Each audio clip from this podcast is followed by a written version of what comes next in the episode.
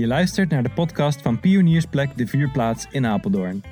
In deze eerste serie zetten we onze tanden in vaste. Ja. We volgen een aantal mensen tijdens de 40 dagen tijd.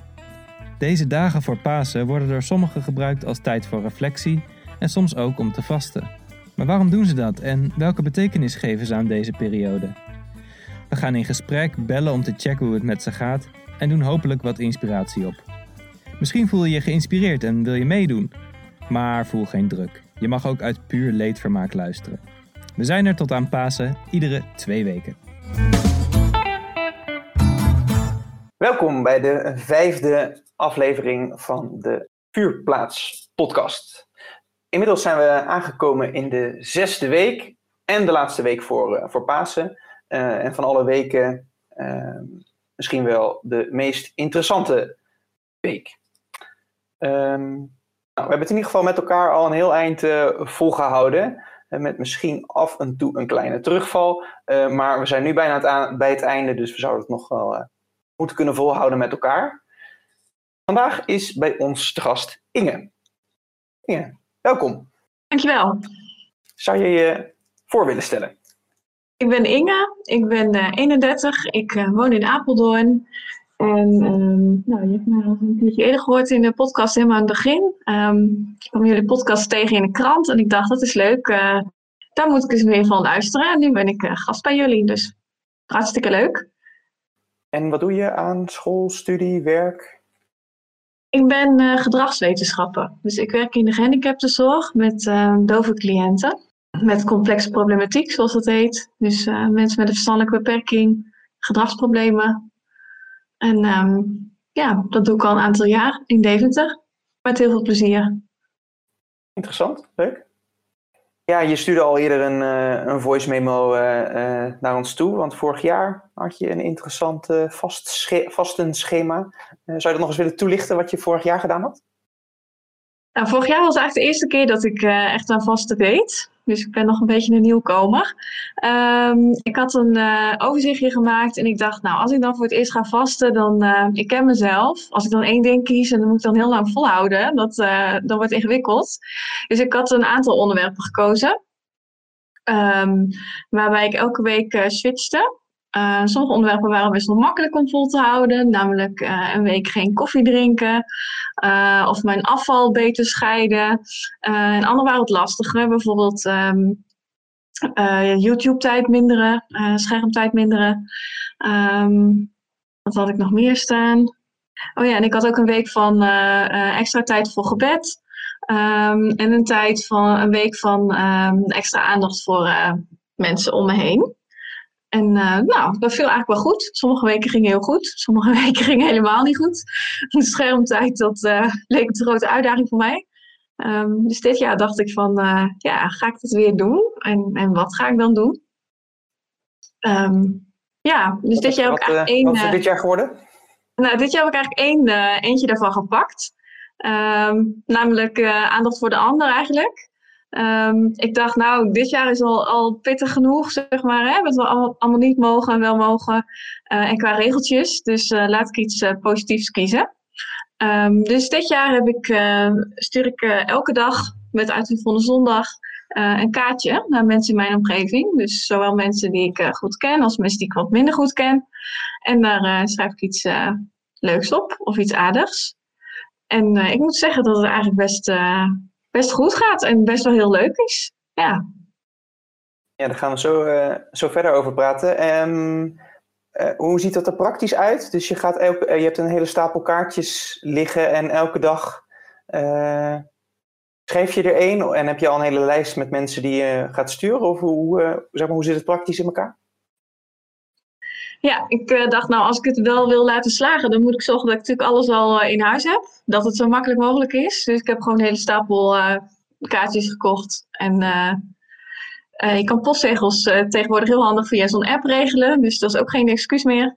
Um, ja, en ik heb een lijstje gemaakt van allemaal mensen van wie ik denk, oh ja, die, die kan ik wel wat sturen. En dat loop ik echt langs. Dus aan het begin dan koos ik een beetje random van het lijstje. Maar nu heb ik gewoon echt uh, de datum en dan gewoon een persoon erachter. Dan kan ik ook een beetje overzicht houden van uh, nou, wie ik al gehad heb en wie niet. Ja. Mooi. Praten we, zo, praten we zo over verder. Maar eerst gaan we ehm, luisteren naar Albert. Ehm, want die gaat ons wat meer vertellen over de Stille Week. De week voor Pasen wordt in de christelijke traditie de Stille of Goede Week genoemd. Vooral goede klinkt wat raar in de oren als je de verhalen van de vier evangelisten uit het Nieuwe Testament leest. De spanningen lopen daarin namelijk steeds verder op rondom Jezus en de mensen om hem heen.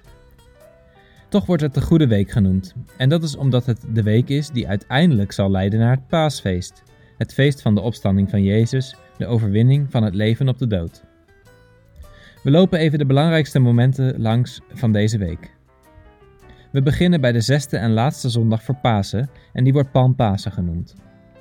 De Joodse mensen in de tijd van Jezus waren gewend om zich klaar te maken voor het Pesachfeest, het feest ter herinnering aan de bevrijding van het Joodse volk uit de slavernij in Egypte. Velen trokken naar Jeruzalem om daar het feest te vieren. En zo ook Jezus. Hij wordt daar als een held binnengehaald. De mensen zien in hem hun nieuwe koning. Ze wuiven hem met palmtakken toe, vandaar ook de naam Palmpasen. En herinner je je als woensdag nog, waar palmtakjes werden verbrand tot as? Nou, dat zijn dus deze takken. De cirkel is weer rond. In de dagen na deze Palmzondag komt Jezus steeds meer in conflict. Hij stuurt bijvoorbeeld boos de handelaren weg die van de heilige tempel een ordinaire markt hebben gemaakt. En ook komt hij in conflict met de fariseeën en hoge priesters over wat de wil van God zou zijn. Al met al begint Jezus dus een bedreiging te vormen voor hen en het liefste zouden ze hem dan ook oppakken en gevangen nemen. Maar ze zijn bang voor de reactie van het volk, want velen zien in Jezus een profeet. Jezus weet wat zijn opdracht is en wat hem te wachten staat, en probeert zijn volgelingen hierop voor te bereiden. Maar zij geloven hem niet of willen het niet horen. En na de viering van het laatste avondmaal vertrekken ze naar de olijfberg. Daar vraagt Jezus de discipelen om met hem te waken, maar ze vallen in slaap. Jezus wordt verraden met een kus door zijn eigen volgeling Judas en gevangen genomen.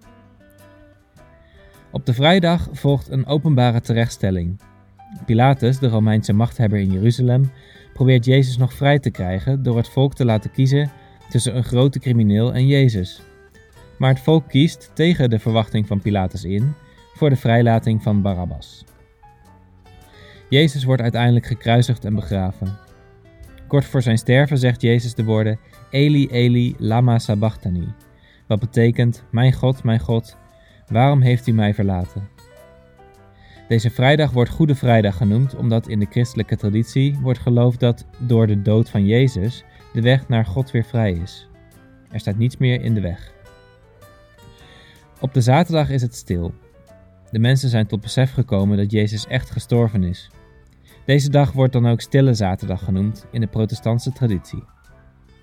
Het graf van Jezus werd angstvallig bewaakt. Tegenstanders van Jezus waren bang dat vrienden van Jezus het lichaam zouden weghalen en dan zouden vertellen dat Jezus is opgestaan. In de nacht van zaterdag op zondag wordt er in kerken vaak de paaswaken gevierd. Daar wordt de overgang van waken bij het graf naar het feest van het licht herdacht. In deze nacht vindt de opstanding van Jezus plaats. En dan op de zondag, in de vroege ochtend, treffen de vrouwen die gaan kijken bij het graf van Jezus het graf leeg aan. Jezus is daar niet meer. Hij blijkt opgestaan. Hij heeft de dood overwonnen, hij leeft. Het is Pasen en daarmee is ook een einde gekomen aan de vaste tijd.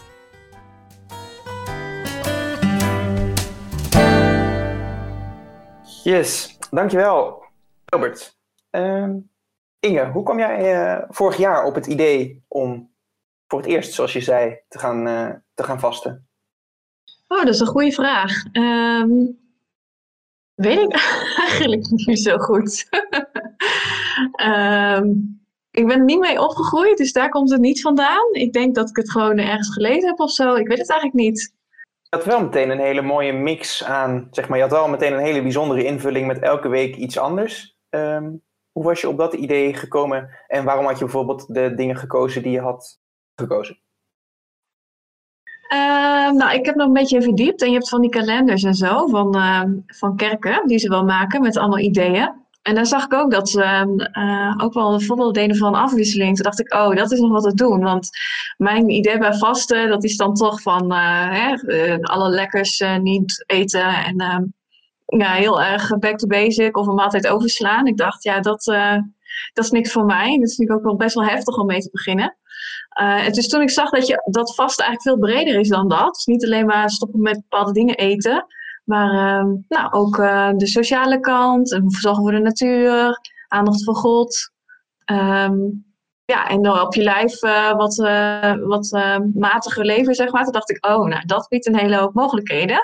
En ook een beetje gekeken naar de afwisseling. Dat ik dacht van, ja, als er een week echt een eentje tussen zit die ik moeilijk vind, dat ik daarna een week doe, eentje doe die wat makkelijker is, dan, dan kan ik weer vol goede moed opnieuw starten.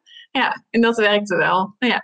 Ja, aan de andere kant is het ook wel uh, lastig. Het was een leuk idee, maar het is ook wel lastig omdat soms zit je ergens net in en dan begin je alweer aan het volgende. Nou ja, ik hoop dat ik het dan nog na, na de 40 dagen tijd ook nog doe. En als je dus elke week iets anders doet, dan is die kans echt best wel klein. Ja.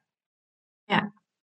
En heeft het je eh, destijds iets gebracht? Zeg maar, of vond je het überhaupt leuk om te doen? Of, uh, ja, ik vond het wel leuk om te doen. Ook omdat het, uh, ik had er eigenlijk nog nooit bij stilgestaan. En ik vond het best wel een, leuke manier ook om nou, op een andere manier of zo met geloven bezig te zijn. Dus gewoon best wel praktisch.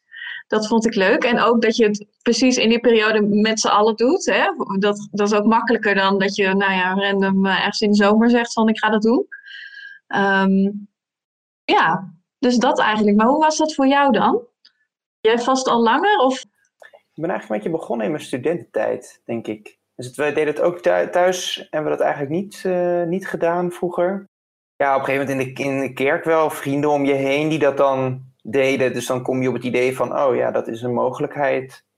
En toen was er ook wel een aanleiding dat je denkt, oh ja, in je studententijd is er natuurlijk veel overvloedigheid, lekker eten, alcohol, weet je wel. Dus dan heb je wel bepaalde dingen die redelijk makkelijk zijn. van, oh ja, dat is eigenlijk wel goed als ik dat zou gaan, gaan minderen. Uh, ik heb dat toen ook met vlees wel gehad, inderdaad. Ja, dus je hebt eigenlijk ook wel verschillende dingen geprobeerd dan met vasten. Ja. De afgelopen jaren eigenlijk minder, uh, minder gedaan. Nou ja, en dit jaar nu, uh, nu wel weer. Ja. ja. En jij doet dan vooral de dingen wat ik ja, dan een beetje wil zeggen met eten en drinken en... Voor mij is het wel echt voedsel gerelateerd vasten. En voor mij is eigenlijk wel een mhm. hele wereld open gegaan in die hele podcastserie. Um, nou, in de tweede aflevering met Dorine ook, waarin natuurlijk het uh, tijd nemen, elke dag even stil zijn. En ook wel andere berichtjes die langs zijn gekomen van mensen die ja, het inderdaad ook voor een boekje lezen gebruiken. Dus dat was wel. Um, ik had daar eigenlijk nooit zo bij stilgestaan. En ook niet dat je bijvoorbeeld nu eh, het aalmoezen, eh, aan een goed doel iets geven oh, of zo. Dat ja, had ik echt helemaal niet bij stilgestaan dat dat, dat, dat ook bij de 40 dagen tijd hoorde. Dus voor mij is wel een hele wereld open gegaan. Ja. En ga je het dan volgend jaar anders doen, denk je? Of denk je van, nou, dat weet ik nog niet? Geen idee. nee, nee, ik vind ja, nee, ik vind het ook wel leuk om gewoon op het moment zelf te bedenken wat, um, maar er is in ieder geval een heel scala aan opties, uh, aan opties bijgekomen. Ja. ja, leuk. En dit jaar dus uh, nou, iets liefs. Een, een lief berichtje mhm. elke dag. Wat heeft het je gebracht? Um, nou, eigenlijk best wel wat. Ik dacht van tevoren, uh, nou, maak je jezelf wel makkelijk vanaf, uh, Inge. Dan een beetje vaste light, zeg maar. Um, en dat is het natuurlijk ook. Zeker als je natuurlijk van de vorige afleveringen de mensen hoort. Hè, die zich echt heel strikt aan de, aan de regels houden. En echt dingen opgeven voor Jezus of laten staan voor Jezus. Zo heb ik eigenlijk, het eigenlijk helemaal niet benaderd. Um, dus voor mij is het denk ik wel echt een uh, hele andere manier of zo van vasten. Uh, ik vind het heel knap als je dat zo kan. Um, ja, echt heel veel respect daarvoor. Maar mij lukt dat niet. Maar ik merk dat, dat dit... Um, mij wel weer heeft geholpen, zeg maar, om op een, een uh, positieve manier ook geloof te beleven, zeg maar. Dus um, in de praktische zin. Ja, en als je dus elke dag gedwongen wordt om, om uh, voor, over iemand even na te denken van, nou, wat, wat waardeer ik nou heel erg aan die persoon? Of wat vind ik heel leuk in ons contact? Of iemand die je eigenlijk niet kent, kun je ook altijd iets aardigs uh, zeggen, natuurlijk, of een kaartje sturen. Um, nou ja, daardoor word je eigenlijk ook wel heel erg van bewust hoeveel aardige, lieve, betrokken personen er eigenlijk zijn in je omgeving. Dus maak je ook wel een soort van dankbaar. Ja wrijf je nog maar eens even om de neus. Uh, uh, nou, hoeveel positiviteit en, en leuke mensen er in deze wereld zijn. Dus um, ja, het, focus, het geeft je zeg maar een andere kijk, uh, kijk op dankbaarheid, denk ik. En, en het maakt je ook bewust van dat er natuurlijk ook mensen aan de rand van je netwerk zitten. die het juist wel heel leuk vinden om een kaartje te krijgen. Dus ik kreeg ook wel uh, berichtjes van mensen die zeiden: Oh, nou, dat kon ik eigenlijk wel net gebruiken. Of uh, ja, ook kaartjes gestuurd naar mensen die ik eigenlijk helemaal niet zo goed ken. Dan dacht ik: Ja, oeh, maar ja, hè, als je 40 mensen moet hebben, dat is best veel. Als dat allemaal hele goede vrienden van je moet zijn. dus uh, ja, maar dat was eigenlijk ook wel heel erg leuk. Daardoor haal je nieuwe contacten ook wel weer aan. Dus ik kan het iedereen aanraden, of je het in de vaste tijd doet of daarbuiten. Het heeft mij eigenlijk best wel veel gebracht, veel meer dan ik dacht. Ja. Ja. En, en hoe attent ben je eigenlijk normaal gesproken, zeg maar? Is, het, is, het, is, het, uh, zeg maar is het een trendbreuk of, uh, en zijn mensen heel erg verbaasd dat ze een kaartje van je krijgen? Of denken ze, oh, dat is Inge, die is altijd al zo lief? ja, dat laatste, dat weet ik niet. Maar uh, ik ben wel iemand die denk wel attent is, maar uh, niet altijd per se goed in kaartjes sturen of zo, of dat soort dingen. En waarom ik kaartjes sturen echt heb gekozen, is omdat ik dat zelf heel erg leuk vind. Zeker in coronatijd of zo. Als je echt een kaartje krijgt over de post, is toch nog, nou ja, het zegt nog net wat meer of zo. Iemand moet er meer moeite voor doen dan een appje, wat ook hartstikke leuk is. Of videobellen, of uh, hè, waar we allemaal in zitten. Dus uh, ja, het past wel bij mij. Uh, ja, dat wel. Maar het is niet zo dat ik dat uh, standaard al heel veel doe. Nee. Nou ja, misschien nu straks dus wel. dat weet ik nog niet. Maar ja. ja. Ik vind het wel grappig dat je zegt van... Um, nou ja, voedsel laten staan een hele maand, geen lekkere dingen of, of nou, hè, op een andere manier, dat lijkt me heel zwaar. Voor mij zou het best wel zwaar zijn om elke dag een kaartje te sturen. Ik ben gewoon van mij, mezelf niet heel attent. Um, uh, dus het voelt, weet je wel, als je dan een kaartje stuurt, ja? dan is dat best wel een opgave voor mij. Of in ieder geval, dan moet je eraan denken. En dan denk ik, ja, dat, is voor mij, dat zou voor mij eigenlijk wel zwaarder zijn. Echt waar? Maar dat is maar vijf minuten op een dag, zeg maar. Hè? Terwijl jij bent met eten de hele dag ermee bezig. En een kaartje sturen is, nou, je hebt het gewoon liggen en je gaat er even voor zitten. Ja, je moet naar de brievenbus lopen, maar that's it. Ja. Voor mij zou schieten dat soort dingen er altijd wel in. Dus dan is, is er een gelegenheid om een kaartje te sturen bijvoorbeeld. En dan, uh, ja, dan kan het, duurt het bij mij meestal wel een dag of twee, zeg maar, voordat ik het ook daadwerkelijk doe. Dus, uh, ja. ja. Heb je ook kaartjes terug gehad? Um... Of wordt het nu heel pijnlijk? Nou, ik krijg wel kaartjes, maar ik heb op dat kaartje niet gezet dat het, um, dat vond ik een beetje gek om te doen. Ik heb niet gezegd, erop gezet dat het is omdat ik dat doe na, vanuit vasten idee, zeg maar. Um, dus ja, ik heb wel kaartjes gehad. Um, meer berichtjes. Eigenlijk uh, van iedereen uh, wie ik wat heb gestuurd, heb ik wel een berichtje terug gehad. En echt, echt leuke berichtjes of, leuke gesprekken. Of, uh, ja, eigenlijk iedereen reageert. Sommige mensen sturen ook een kaartje, maar meestal krijg je niet uh, dezelfde week uh, al iets terug. Maar het valt me wel op dat je meer post in het algemeen krijgt. Dus ik denk, nou ja, dat is wel ook weer een positief effect ervan. Ja, dat was niet mijn doel. Ja, mooi. Leuk. Ja. Ja, ja. Ik vind het echt een goed idee. Oké, okay, want hoe, ga je het, hoe zou jij het vertalen voor jezelf dan? Want jij zegt, uh, ik vind kaartjes sturen, dat zou ik echt een hele opgave vinden.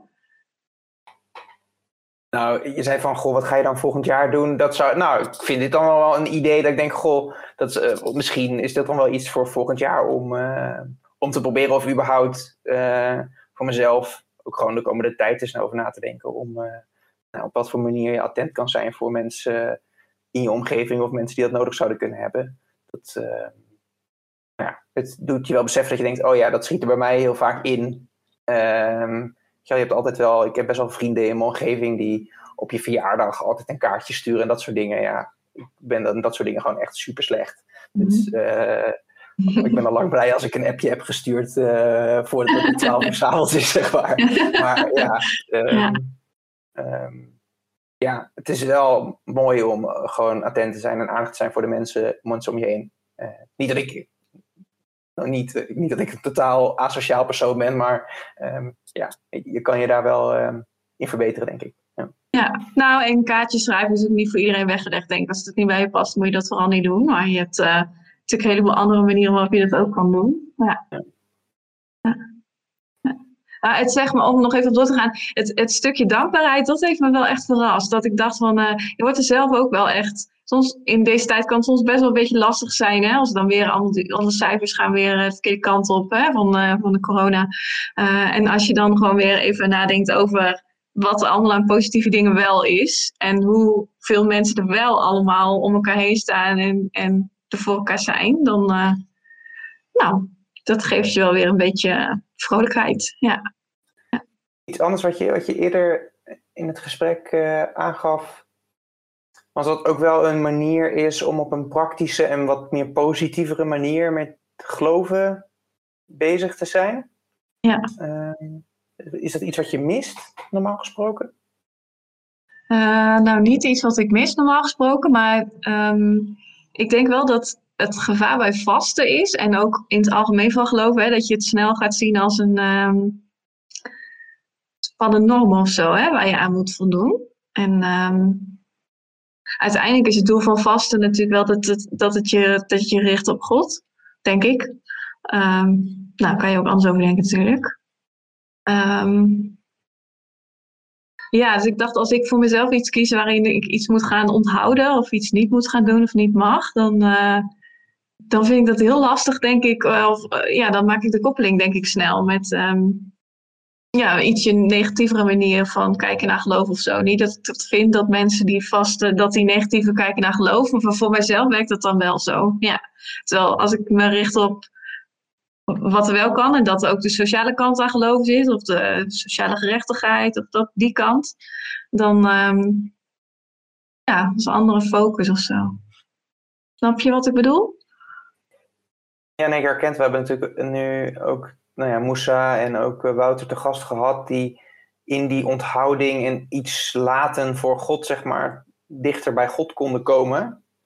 En ja, ik vind het wel heel mooi, maar dat is niet iets wat, wat, wat, wat ik zo ervaar, ook in mijn vaste niet. Het is voor mij ook een, ja, het is ook gewoon een soort van sociale activiteit en jezelf uitdagen. Um, en het heeft, ja, weet je wel, iets met bewuster leven te maken. Misschien nog iets dichter bij jezelf komen. Dat zou je God kunnen noemen. Maar ja, dat is, dat, nou ja, dat is een beetje de manier hoe ik er mee bezig ben, denk ik. Ja, en iedereen moet ook zijn eigen manier vinden, denk ik. Ik denk, ik denk dat dat ook heel mooi is als je erin zo in staat zoals uh, Wouter en Moussa. En ik denk dat het ook oké is zoals jij erin staat en zoals ik dat doe. Ja. ja. Ik vind het wel mooi hoe je um, verbinding naar de sociale, sociale gerechtigheid en, en zeg maar het, het um, nou ja, het appel wat natuurlijk geloven ook, uh, ook op je doet. Um, en dat handen en voeten geven, dat, um, dat vind ik wel heel mooi en daar ken ik wel veel in. Ja. Ja, want wat, waar ik me wel nieuwsgierig was, hebben jullie ook mensen gesproken die bijvoorbeeld de periode echt gebruiken om uh, nou, beter met milieu om te gaan of uh, duurzamer te leven? Nou, ik denk wel in het minderen van vlees. In ieder geval voor mij wel. Ik heb, zeg maar, voor mij is dat wel een beetje zo begonnen dat ik vlees ben gaan minderen. En dat was wel volledig vanuit uh, ja, duurzaamheidsoogpunt. Uh, oh eigenlijk. ja. ja. Um, daar kwam dat wel heel erg vandaan. Dus um, ja, en ik heb dus ook wel vrienden die op die manier um, mee bezig zijn geweest. En op, vanuit dat soort redenen, vooral vlees, maar andere natuurgerelateerde dingen kan ik niet zo bedenken. We zitten in de stille week, zo voor Pasen. Betekent Pasen en die stille week, betekent dat iets speciaals voor jou? Um, ja, eigenlijk wel. Um, ik vind het, het, uh, het mooie aan Pasen dat het een feest is waarbij uh, lijden ook heel erg centraal staat. En dat er dus hoop is, als je het heel, uh, heel algemeen vertaalt. En ik denk zeker dat lijden is natuurlijk een thema wat nu ook heel erg speelt. En waar iedereen op een of andere manier mee te maken krijgt. En het feit dat um, nou, God daar ook wel heel veel ervaring mee heeft met lijden zelf. Um, zowel psychisch als uh, fysiek lijden, uh, als uh, lijden aan de wereld. Um, nou, dat God daar dus ook heel mee, begaan mee is. En dat het ook oké is om daarbij stil te staan. En dat je niet meteen al Pasen hebt. Hè? Je hebt eerst een hele week. Met zelfs een, een moment dat God sterft. en dan is het stil. Dan staat God ook nog niet meteen op. Uh, en dan heb je Pasen. En um, ja, ik vind dat altijd wel uh, intens of zo, als je daarover nadenkt. Ja, het maakt Pasen ook wel tot een heel mooi feest, omdat het dan ook echt feest is. Van er is hoop en er is toekomst. En hoe zwaar het ook kan zijn hier. Ehm, ja, het komt goed. Dus ja, zo beleef ik dat. Ik probeer ook in de week naar uh, Pasen toe ehm, altijd wel uh, muziek had me altijd heel erg. Ehm, om geloof te beleven. Dus dan nou, zoek ik liederen of muziek op die, daar, die bij de Pasen past. Of een beetje de, de, de ehm, muziek met nou, boze teksten of verdrietige teksten of hele klagende teksten. Nou, die staan natuurlijk ook ontzettend veel voorbeelden van in de Bijbel, maar er is ook echt ontzettend veel muziek over geschreven. Dus dat luister ik dan. En ja, zo leef ik toen naar de Pasen. En dan heb je met Pasen een dienst. Ja. En jij? Ja, ik vind dat paasverhaal eigenlijk altijd wel, en inderdaad ook wel het hele verhaal, zeg maar. Dus ook die stille week, die, die, en dan ja, voornamelijk vanaf de donderdag eigenlijk, zeg maar, die, wanneer het verhaal begint te lopen. Ja. Ik vind het gewoon wel een bijzonder verhaal. Zeg maar, kerst vind ik een beetje, ja, weet je wel, Jezus wordt geboren, het is elk jaar een beetje hetzelfde. En nou ja, succes aan de dominee om er een goed verhaal van te maken. Um, ik, weet niet, ik, word, ik word gewoon niet zo geraakt daardoor. Ik denk, ja, nou ja, dat kende ik vorig jaar ook wel. En dan nou, is altijd wel een actualiteit waar je het aan kan koppelen. Maar dat paasverhaal op de een of andere manier blijft me dat altijd wel weer verbazen. En er zit altijd wel weer iets in, uh, ja, iets in wat boeiend is, zeg maar. En uh, wat je verrast en nou, inderdaad ook wel het de boodschap van hoop, daar herken ik me ook wel heel erg in. Dus dat je, ja, het lijkt soms zo uitzichtloos. Uh, en voor sommige mensen is het leven soms ook zo uitzichtloos. Maar dat er dan, dat je altijd hoop mag houden, of dat je er altijd mag zijn. En uh, ja, dat vind ik wel eigenlijk een hele positieve, fijne boodschap eigenlijk. Het is niet makkelijk, zeg maar. Dat vind ik ook wel. Het, is, ja. het is wel een verhaal van mensen. Um, ja. En dat, is, uh, ja, dat maakt het wel mooi eigenlijk voor mij.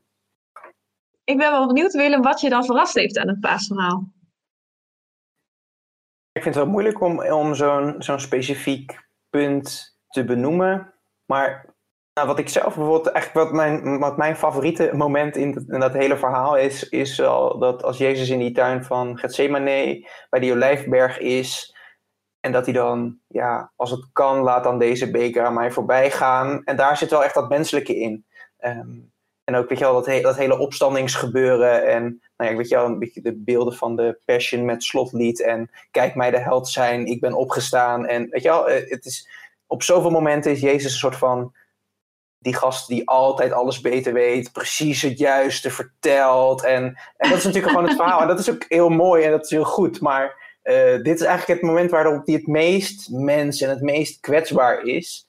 Um, en daar kan ik me dan ook wel een beetje mee identificeren, zeg maar. Dat je denkt, oh ja, uh, weet je wel, um, ook hij heeft het wel, zeg maar, echt. Het is niet een helder verhaal van, dit doe, ik doe even een trucje, en, uh, maar het, het, is gewoon een, een, nou ja, een leidensverhaal. En nou ja, dat maak je natuurlijk allemaal wel eens in je leven mee, waarbij je dan denkt, ja, um, maar er is altijd hoop. Je kan vertrouwen op jezelf, je kan vertrouwen op de mensen om je heen. En ja, er het beste van maken, zeg maar. Ja, ja mooi. Ja.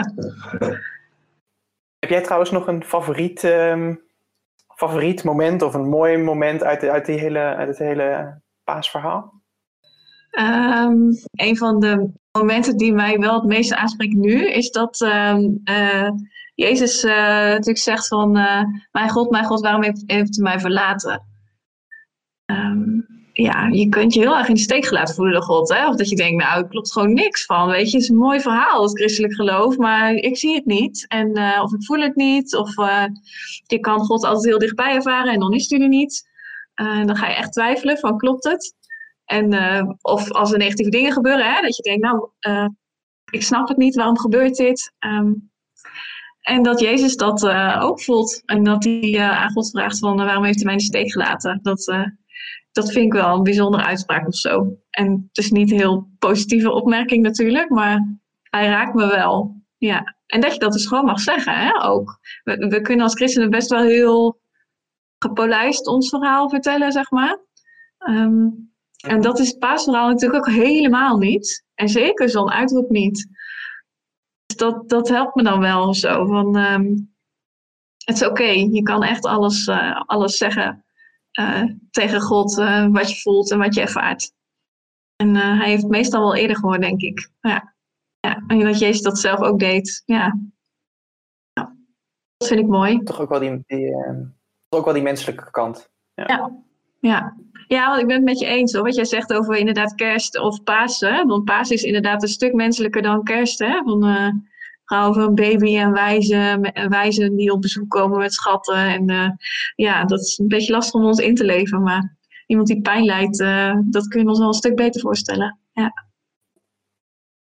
Vind ik de kerstliederen trouwens wel weer mooier dan die, de liederen die je met Pasen zingt. Maar,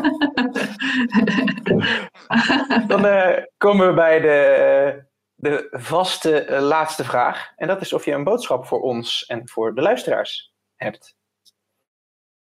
Ik denk dat mijn boodschap is om uh, stil te staan um, bij uh, dankbaarheid. Dus waar kun je dankbaar zijn op dit moment voor? En um, ja, wat krijg je allemaal? En wie zijn er allemaal voor je? En om daar eens over na te denken. voor te bidden, als je dat wil. Um, of gewoon eens bij stil te staan om dat uit te spreken. Dat kan ik iedereen aanraden. Gewoon omdat het goed is, maar ook omdat het nou, gewoon een hele positieve uitwerking heeft. Dus dat zou mijn uh, tip zijn voor de komende tijd. Mooi, dan ga ik hem uh, meteen in praktijk brengen. Want ik ga jou danken voor jouw aanwezigheid en voor het delen van je verhaal. Ik vond het leuk dat je in de podcast te gast was. Graag gedaan. Ik vond het leuk dat ik gast mag zijn. Dan gaan we naar de berichtjes. Ehm, of eigenlijk geen berichtjes vandaag, ehm, want die slaan we eh, dit keer over. Maar over een paar dagen hebben we wel speciaal voor jullie een bonusaflevering.